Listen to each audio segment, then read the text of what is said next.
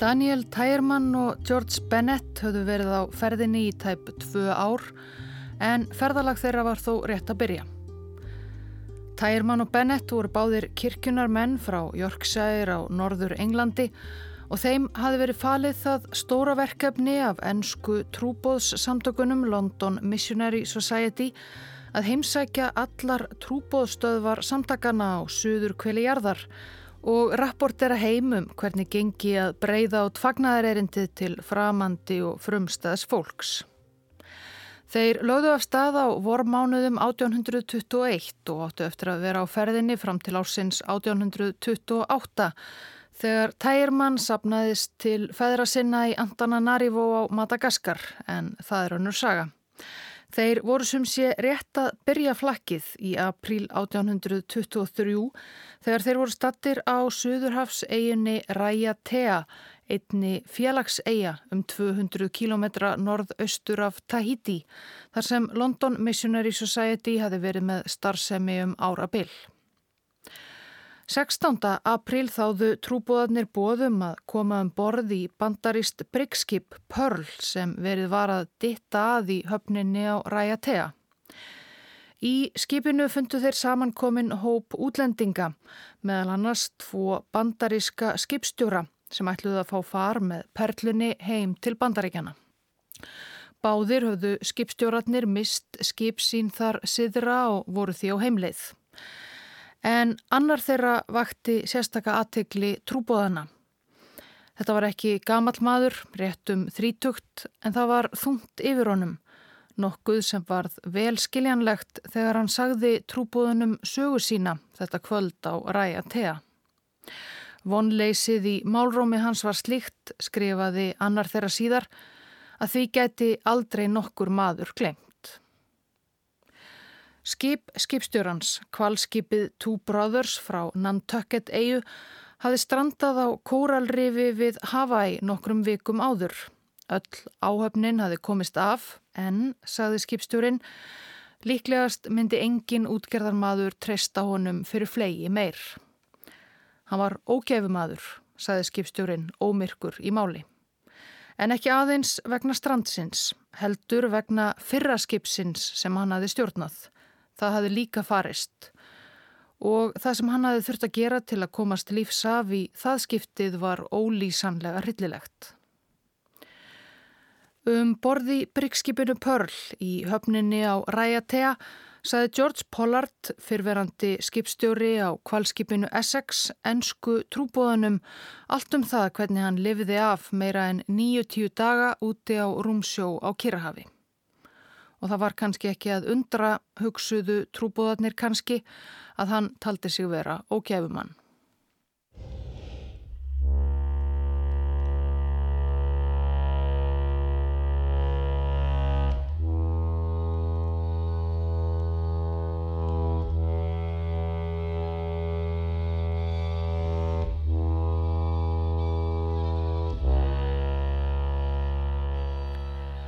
Ágæti hlustandi, þetta er fjórði þáttur og sá síðasti um hrakningar áhafnar bandariska kvalskipsins Essex sem fórst á veiðum í sunnanverðu Kirrahafi í november 1820 þegar sterðarinnar búrkvalur stangaði skipið í tvígang.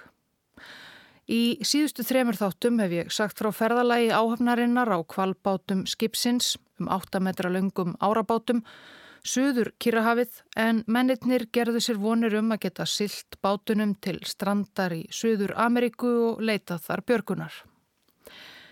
Það reyndist laung sigling en það voru mennitnir mörg þúsund kílometra á hafi úti og hafðu takmarkaða stjórn á stefnu kvalbátana og siglingu. Það allra hryllilegasta sem George Pollard skipstjóri sagði ennsku trúbóðunum um borði í bryggskipinu Pearl var það þegar hann og menn hans höfðu með þverrandi vistir eftir meira en tvo mánuði á hafi úti neðst til að leggja sér til munns líkamsleifar félaga sinna sem höfðu dáið og hungri. Pollard sjálfur skrifaði aldrei neitt svo vitað sé en sagði öðrum sögu sína að minnstakosti nokkrum sinnum. Hann fór aldrei sérlega ítarlega í þennan kabla ferðarinnar í frásögn sinni kannski skiljanlega. Menn sem voru á sjó á þessum tíma vissu svo sem að það kom fyrir að sjómenn í gríðar mikillir neyð urðu að grípa til mannáts til að lifa af. En það var ekki talað mikið um það. Þeir menn sem komistöðu lífs af úr slíkum hrakningum með því að grípa til því líks örþrifa ráðs voru almennt ekki mikið fyrir að básúna það yfir hvert sem er. Á rúmri viku dagana 20. til 28. janúar 1821 höfðu fjórir menn dáið í bátum Pollards og félaga hans Obeds Hendricks. Allt svartir menn ekki frá Nantucket-eyju eins og einstir hingur áhafnar Essex og allir höfðu verið jætnir af þeim áhafnarlifðum sem eftir livðu. Aðfaranótt 29. janúar hafðu Pollard og menn hans líka orðið viðskila við samferðamenn sína bát hins tvítuga Obeds Hendricks. Með honum í bát voru tveir eftir á lífi, sjómennir Joseph West og William Bond. Þeir hurfu þessa nótt, hurfu sjónum Pollards og manna hans og hurfu alfarið úr sögunni en þann dag í dag er óvist hver afdrif þeirra urðu.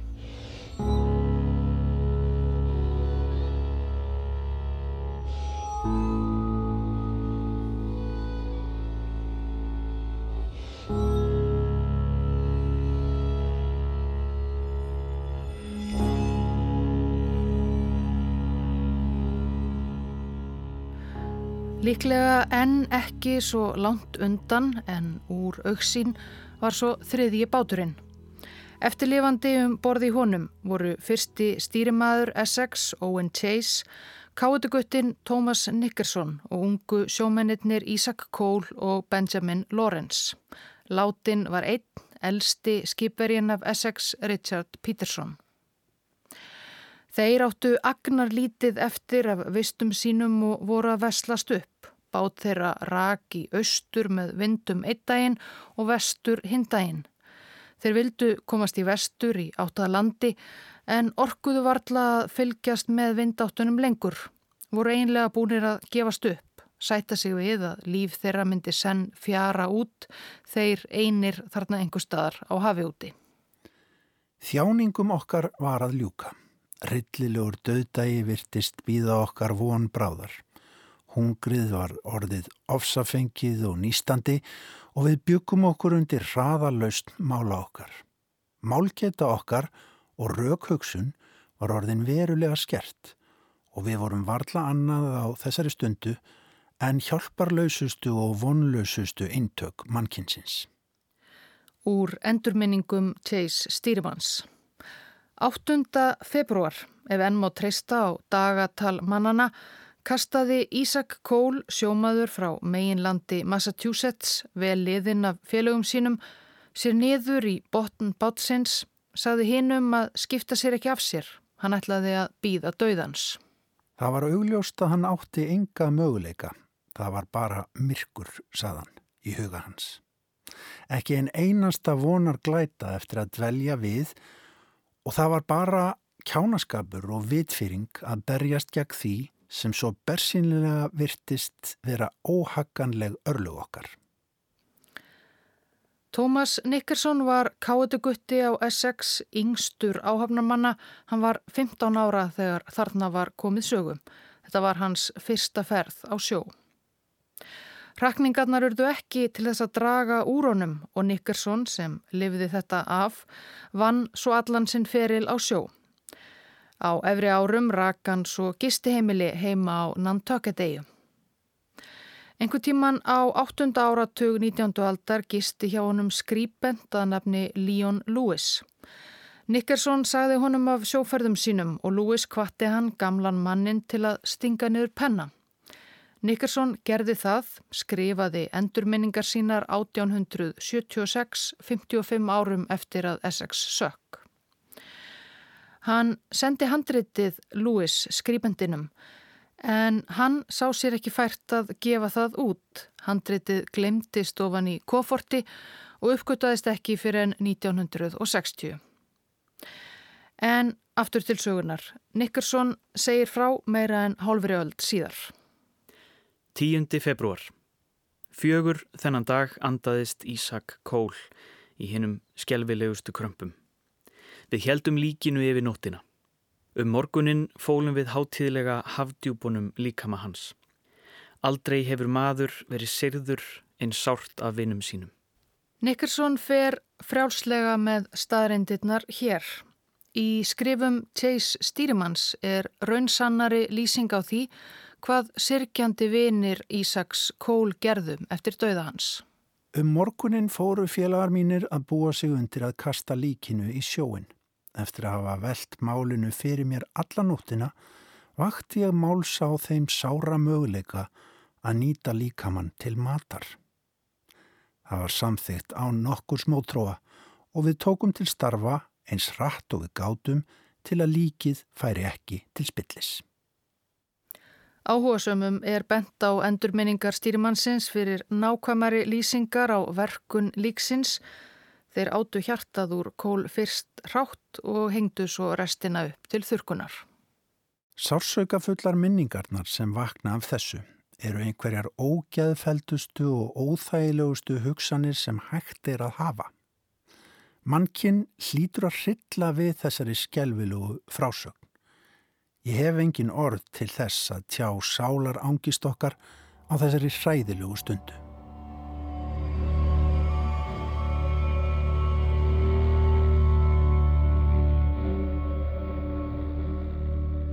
Líkamsleifar fjögura manna döguðu Pollard skipstjóra og þremur eftirlifandi bátsmönnum hans ekki lengi.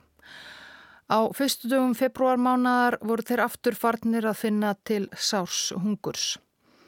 En þeir torðu allir og ekki leitt endilega út fyrir að neitt þeirra væri alveg að fara að taka síðustu andardrættina alveg strax.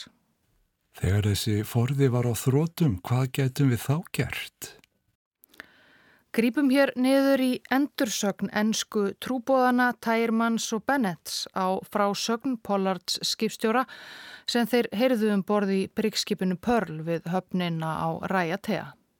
Við horfum hver á annan, í hugum okkar hryllilegar hugsanir, en við heldum aftur á okkur. Ég er vissum að við elskuðum hver annan sem bræður, æfinlega en augnar á okkar síndi gjörla hvað yrði að gera. Við dróum um þetta. Sjóarinn Charles Ramsdell hafði stungið fyrstur upp á því að mennirnir dræju um hver myndi lifa og hver deyja. Ramsdell hafði verið næst yngstur í áhöfn Essex, rúmu ári eldri en Thomas Nickerson og eins og hann alin upp við höfnina í Nantucket. Að draga eða varpa hlutkesti um slíkt þekktist á sjó í neyðar aðstæðum eins og mennetnir fundu sig í. En Pollard skipstjóri vildi fyrst ekki heyra neitt þessu líkt. Það færi alfarið gegn hans kristnu trú. Pollard var trúheitur kvekari eins og margir Nantucket búar, svo almennu siðferði. Fyrr mættu undirmenn hans bara drepa hann og geta, sagði hann. En svo samfærður hann Ramstel og hinnir ungu mennirnir tveir sem hann deldi báti með. Þeir rifu niður eitthvert pappirsnifsi og settu í hatt, mertu eitt rifrildið sérstaklega, svo dróðu þeir. Owen Coffin dró ólökumiðan. Coffin var 17 ára, hann var frændi skipstjórans, mæður þeirra voru sýstur. Pollard hafi verið falið sérstaklega að passa upp á unga frænda sinn í sinni fyrstu sjóferð. Ég rökk strax upp og rópaði upp yfir mig. Drengur minn, drengur minn. Ef þú vilt þetta ekki, skal ég skjóta þann mann sem ógnar þér. Vesalings skínhóraður drengurinn híkaði andartakaða tvö. Svo lagði hann hljóðlega höfuðuð á borstokkin og saði látt. Ég vil þetta eins og hvað annað. Þeir dróu aftur úr hattinum nú um það hver tæki að sér að bana koffin. Það kom í hlut Charles Ramsdells, unga mannsins sem hafði stungið upp á þessum málavöxtum.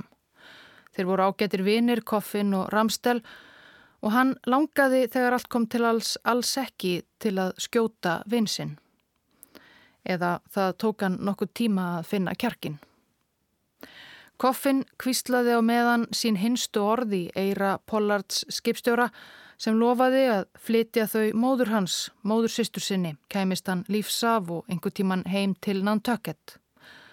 Svo tók Ramstel upp bissuna. Hann var svo fljótlega drepin og lítið varð eftir á honum.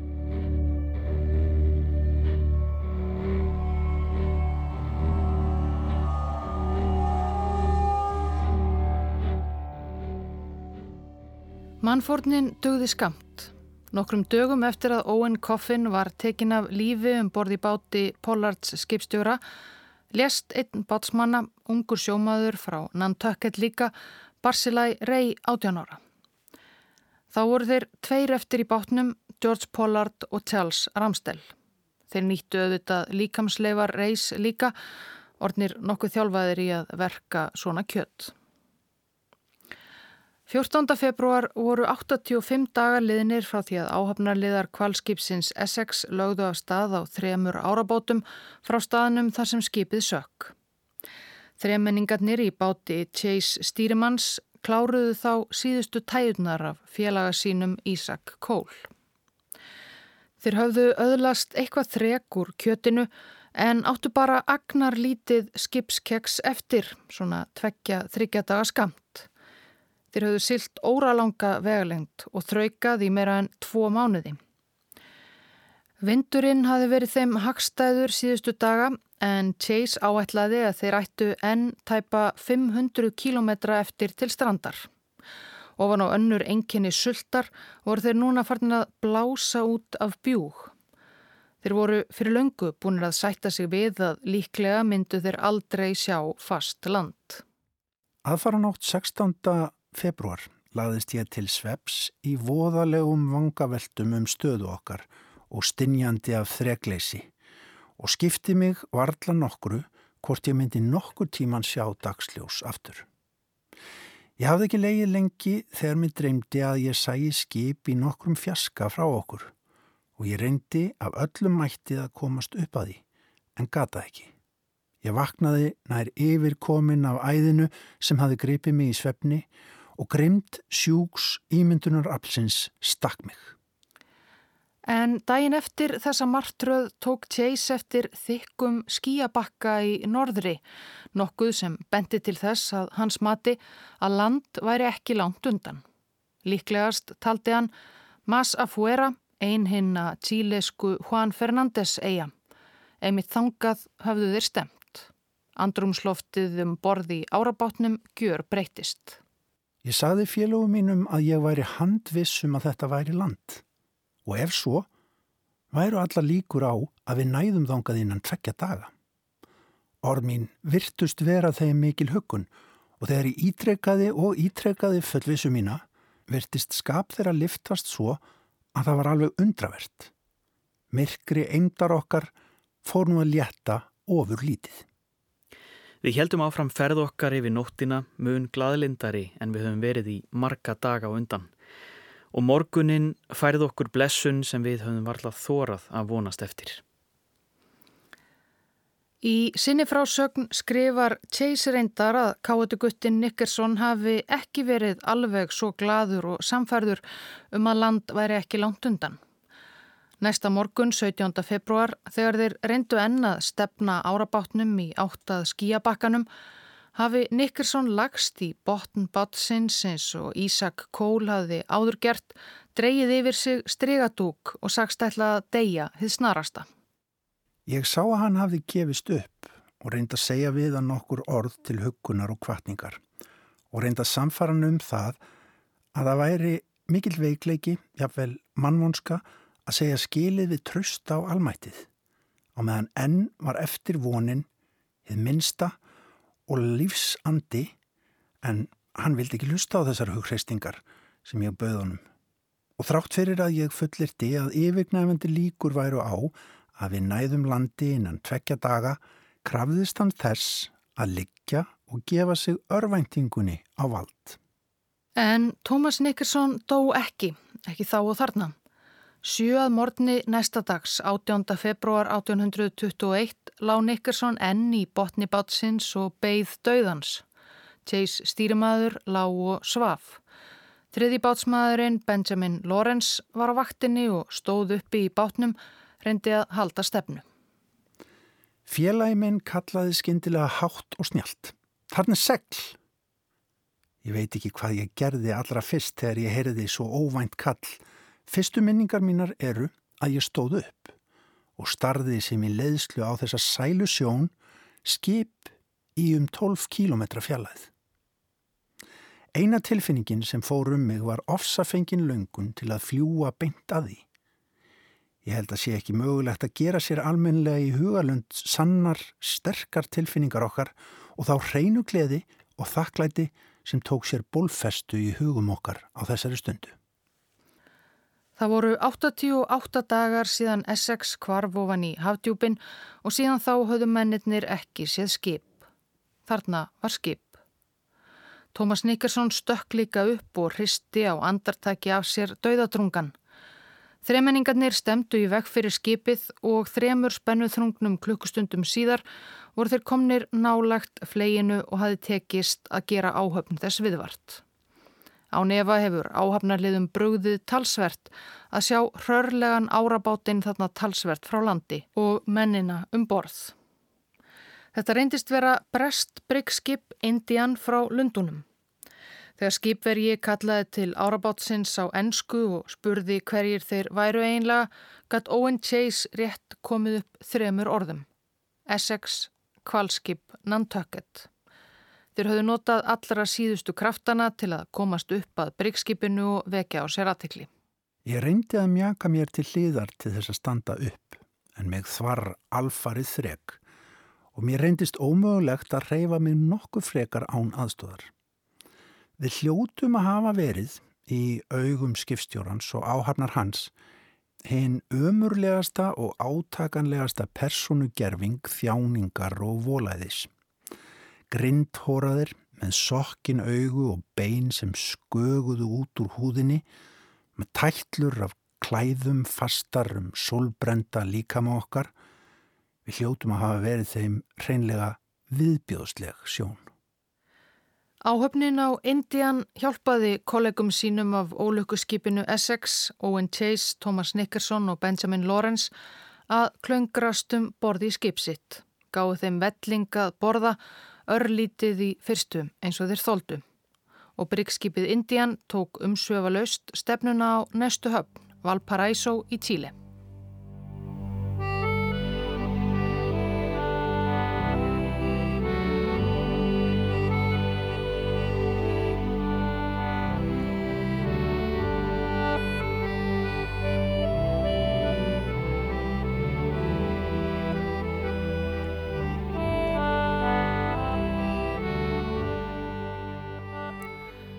Fyrsti þáttur þessarar þáttaraðar hófst á þeirri ótrúlegu sjón sem blasti við áhöfn kvalskipsins Dófinn að morgnidags 23. februar 1821. Dófinn var frá Nantucket eins og Essex eins og svo mörg kvalskip á ferðum sunnanvert Kirrahafið og var rétt að byrja langa veiðiferð þar síðra. Skipið var ekki svo langt undan ströndu Tíli en þó nógu langt til að þeir áttu ekki vona á að sjá lítinn kvalbát einan á ferð. Og alls ekki á þeirri sjón sem blasti við þegar þeir sildu dofinn upp að bátnum. Tveir menn varla nokkuð meira en skinn og bein lágu í nýbri í botni bátsins innan um brak og bein. Hjeldu hvorum sitt beinið og virtust vera að reyna að sjúa úr þeim einhverja næringu. 23. februar voru 9-10 og fjórir dagar síðan Essex liðar hafðu silt af stað í leitaða landi. Það voru tæpar tvær vikur síðan hinn 18 ára gamli Barsila í rey hafði látist um borði í bátnum. Kjötið af honum var löngu upp getið en George Pollard, skipstjóri og Charles Ramsdell tórðu enn, svona rétt svo. Þeir voru orðnir svo veikburða að þeir gáttu varla hreift sig og voru varla með ráði og rænu. Bein félaga þeirra, allt í kringum þá, voru þeirra eina hugun. Þeir hafðu tróðið vasa fatalarfa sinna fulla af kjúkum og reyndu veikum mætti að sjúa mergur, rif og lærbeinum. Skipstjóri Doffin skipaði mönnum sínum að hjálpa vesalingunum í bátnum upp í skipið. Það tók nokkuð á að fá ringlaða mennina til að koma um borð og sleppa tökunum á beinunum fjársjóðu sínum. Skipstjórin á Doffin, Simri Coffin, var reyndur sjóari af einni helstu kvalveiði ætnan tökett. Coffin nafnið var algengt á eiginni, þetta var stórætt og á botni kvalbátsins voru meðal annars beinin úr fjarskildum frænda hans, Owen Coffin, sem hafi verið 17 ára þegar mennirnir sem áhöfnin á Dofin bjargaði myrtu hann og átu.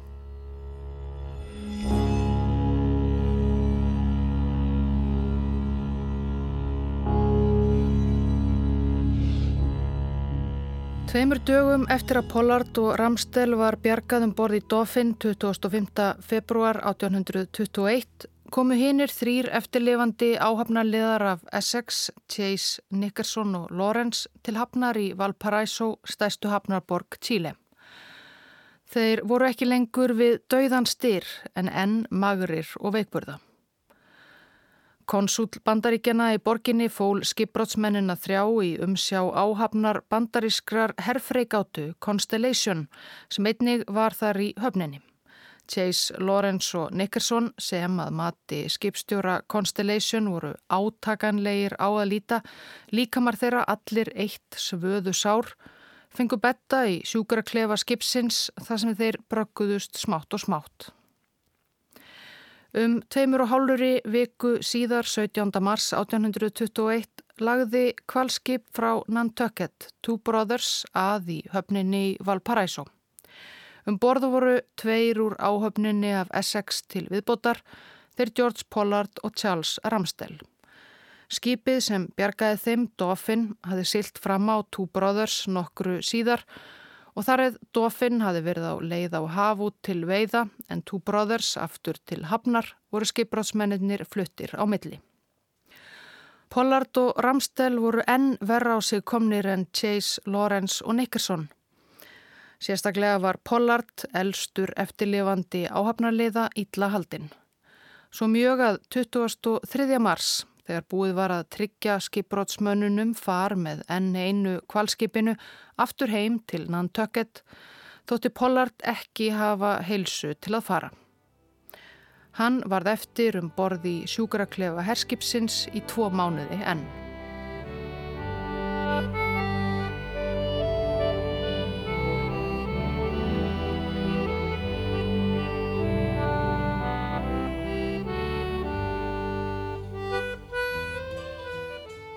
Eftir komuna til Valparaiso höfðu skipbrátsmennir sagt frá félögum sínum þremur sem höfðu valið að verða eftir á lítilli eigi úti á Rúmsjó frekar en að halda ferðinni á kvalbátunum áfram.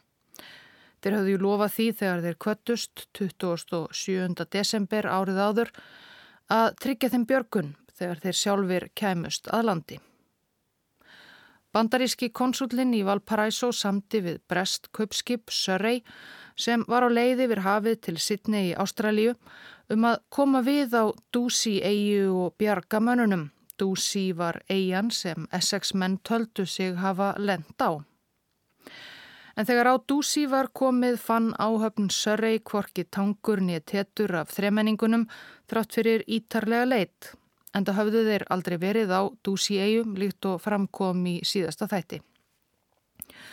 Blessunarlega grunaði skipstjóra Surrey að Essex menn gætu hafa farið eigavilt og sildi því 350 kilometrana í vestur til næstu eigu, Henderson, og viti menn þar sá áhöfnin glitta í þrjár magrar mannverur. Það var 9. april 1821. Þeir Thomas Chappell, Seth Weeks og William Wright höfðu verið einir á eigðeiginu í þrjá mánuði. Dvölin hafði verið þeim ekki síður erfið en volk félaga þeirra á kvalbátunum. Sjófuglar voru alfarið hættir að lenda á eigunni og þeim gekk illa að veiða fisk og krabba. Drykjarhæft vatn reyndist lítið sem ekkert og þeir urðu fljótt að reyða sig á að sapna regnvatni til að slökkva sárasta þorstan. Þeir voru við dauðan styr þegar skipið byrtist við sjóndeldarhingin. Það var vond veður og vond í sjóin og áhafnarleðar Sörrei treystu sér ekki til að lenda árabátum á eiginni í öldurótinu. Þeir kölluðu til mannana að synda til þeirra. Svo veikburða voru þeir aðeins einn þeirra, Thomas Chappell, treysti sér til að taka nokkur sundtök. Reipi var kastað eftir hinnum tveimur og þeir dregnir um borð. Eitt merkilegt höfðu Chappell, Weeks og Wright uppgötvað á Henderson-eigum helli. Í hellinum voru beinagrindur átta manna. Þær lágu hlið við hlið eins og fólkið hefði lagst til svefns, ákveðið að deyja. Hvaða fólk þetta var, hvenar það var á ferðinni og hvað það var að gera þarna, það veitum við ekki.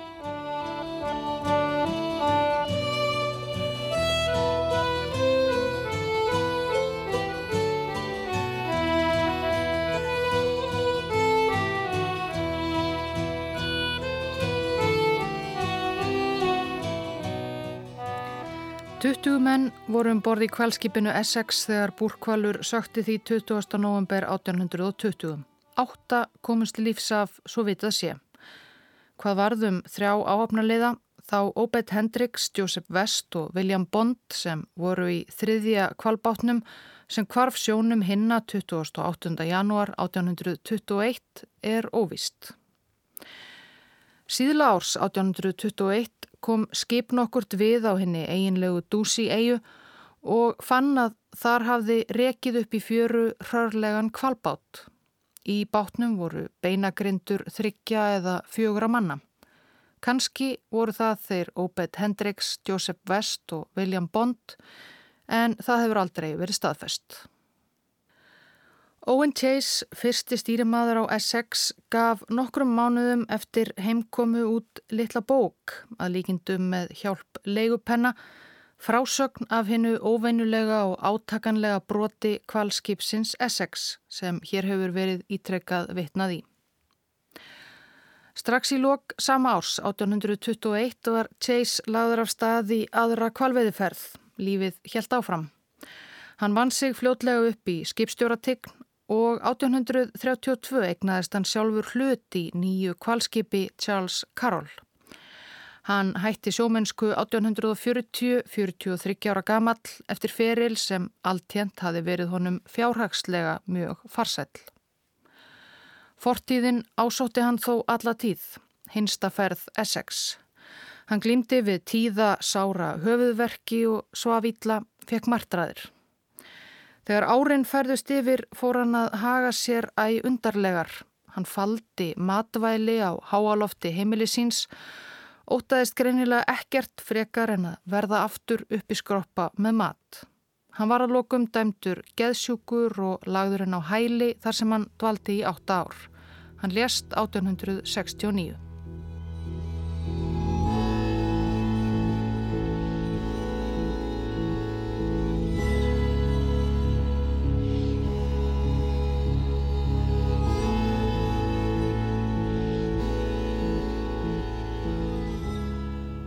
George Pollard komst loks heim til Nantucket með kvalskipinu Two Brothers 5. ágúst 1821. Hans fyrsta verk sama dag og hann kom í land var að knýja dýra hjá móðursýstur sinni Nancy Coffin. Hann hafði jú lofað síni hennar Owen Coffin að færa henni skilabóð, hans hinstu orð. Hafði lofað því áður en hann fyldist með því þegar Charles Ramsdell skaut Coffin 17 ára gamla frændan sem hann átti að passa upp á sjónum í höfuðið og þeir svo átöðan. Nancy Coffin tók heimsókn Pollards víst alls ekki vel. Þá var nú betra að vera bara á sjónum. Pollard böðst fljótlega skipstjóra staða á Two Brothers, kvalskipinu sem hafi fluttan heimað sunnan. Hann sildi aftur af stað út á Kirrahafið í november, rétt þremur mánuðum eftir að hann snýri heim. Með í för voru tveir félagar af Essex sem heldu tryggði við skipstjóran, káetuguttin Thomas Nickerson og bátsmaður hans Charles Ramstell. Two Brothers var á leið á ný kvalmið suður af Japan 11. februar 1823 þegar það strandaði í óveðri á kóralrifi norður af Hawaii. Öllum um borð var bjargað í nálagt kvalskip. Pollard sjálfur, Nickerson og Ramstel voru þar á meðal en þarna varð George Pollard alfarið sannferður um að hann væri ógæfumadur. Engin myndi treysta honum fyrir kvalskipi meir. Hann fór eina ferðen sem skipstjóri á kaupskipi en kunni því illa og flutti sig fljótt alfarið upp á land. George Pollard endaði starfsferilinn sem óbreyttur næturvörður heima á Nantucket. Það var vist pískrað um það á strætum byggðarinnar á eiginni síðustu árin að þann hefði ekki sagt alveg satt frá. Það hefði ekki verið Owen Coffin ungi frendi hans sem dró ólukku miðan sem gerði honum að deyja. Heldur hefði það verið hann Pollard skipstjóri en einhvern veginn hefði það þó verið Coffin sem dó. Hvort nokkuð er til í þessum orðrómi vitum við ekki. George Pollard lést komin fast að áttræðu árið 1870.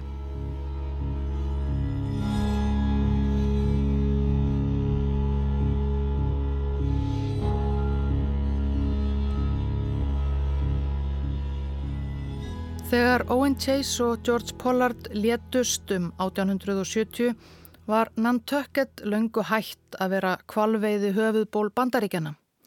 Hafnarbæir á meginlandi Nýja Englands höfðu orðið stórtækar í bransanum upp úr miðbyggi 19. aldar. Margir ungir menn á Nantucket kusu þá að freysta gæfunar frekar í Kaliforníu gullæðisins, sildu suður á gömlu kvalskipunum sem voru svo skilin eftir til að grotna niður úti fyrir San Francisco, en það er önnur saga.